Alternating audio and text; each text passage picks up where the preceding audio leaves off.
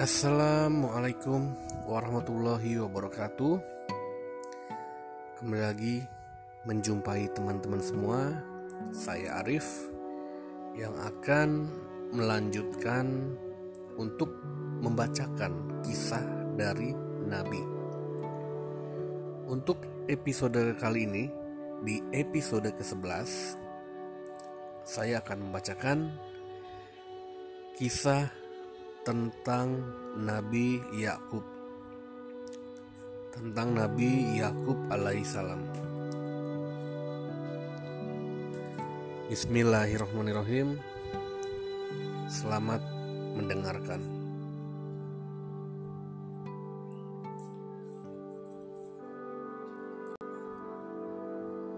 Nabi Yakub alaihissalam adalah seorang di antara para nabi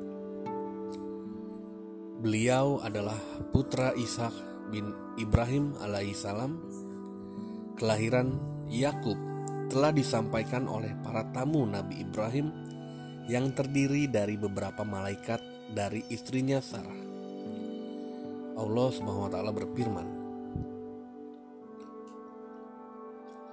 Maka kami sampaikan kepadanya berita gembira tentang kelahiran Ishak dan dari Ishak akan lahir putranya Yakub. Quran surat Hud ayat 71. Kisah Nabi Yakub secara panjang lebar akan diceritakan bersama kisah Nabi Yusuf. Insya Allah. Oleh karena itu, kisah yang disebutkan di sini hanyalah sebatas pengantar saja. Nabi Yakub dari sejak kecil hingga dewasa tumbuh dengan mendapatkan perhatian dari Allah dan rahmatnya. Oleh karena itu, ia berjalan di atas jalan hidup ayahnya dan kakeknya. Nabi Yakub memiliki 12 orang anak yang Allah sebut mereka dengan sebutan Asbat atau keturunan Yakub. Dari istrinya yang bernama Rahil lahirlah Nabi Yusuf alaihissalam dan Bunyamin. Dan dari istrinya yang bernama Laya, lahirlah Rubil, Syamun, dan Lawi. Lalu ada Yahuza, Isakar, dan Zabilon. Dari budak milik Rahil, lahir Daan dan Naftali. Dan dari budak milik Laya, lahir Ja'ad dan Asir. Di antara sekian anaknya, yang paling tinggi kedudukannya, paling bertakwa dan paling bersih hatinya, di samping paling muda usianya adalah Nabi Yusuf alaihissalam. Oleh karena itulah Nabi Yakub memberikan perhatian dan kasih sayang lebih kepadanya. Hal ini sudah menjadi tabiat, yakni ayah sangat sayang kepada anak yang paling kecil sampai ia dewasa dan kepada yang sakit sampai ia sembuh. Nabi Yakub adalah seorang ayah yang patut dijadikan teladan, di mana beliau mendidik anak-anaknya dengan pendidikan yang baik, memberikan nasihat kepada mereka, dan menyelesaikan masalah mereka. Namun selanjutnya, saudara-saudara Yusuf dihasut oleh setan untuk berlaku jahat kepada Yusuf ketika mereka mengetahui perhatian ayahnya kepada Yusuf. Sampai-sampai mereka hendak membunuh Yusuf. Namun kemudian, sebagian mereka mengusulkan untuk melempar Yusuf ke sumur yang jauh agar dibawa oleh kafilah yang lewat dan menjadi budak mereka.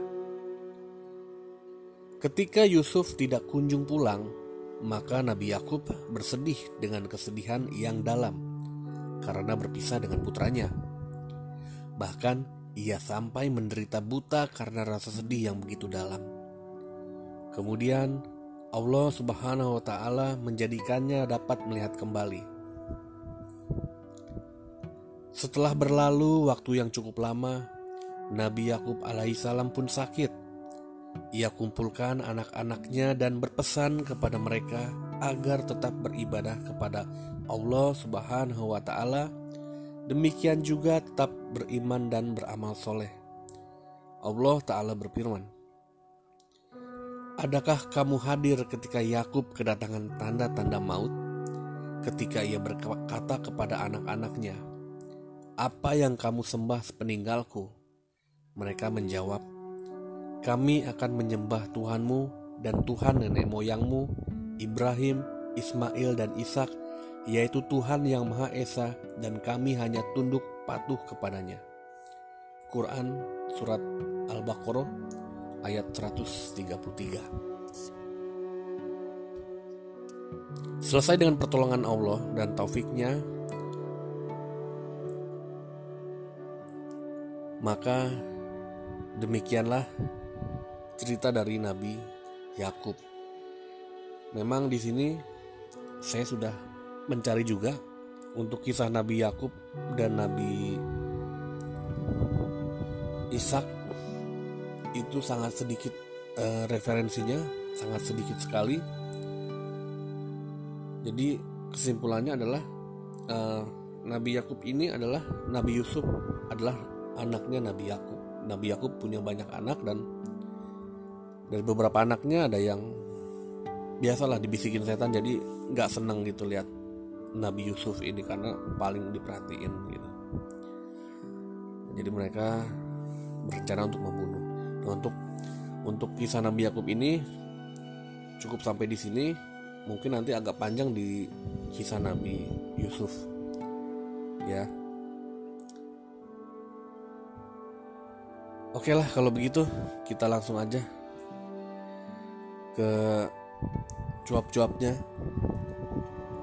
seperti biasa dibantu untuk share dan di follow instagramnya di seribu titik kisah agar bisa bermanfaat dan berkembang.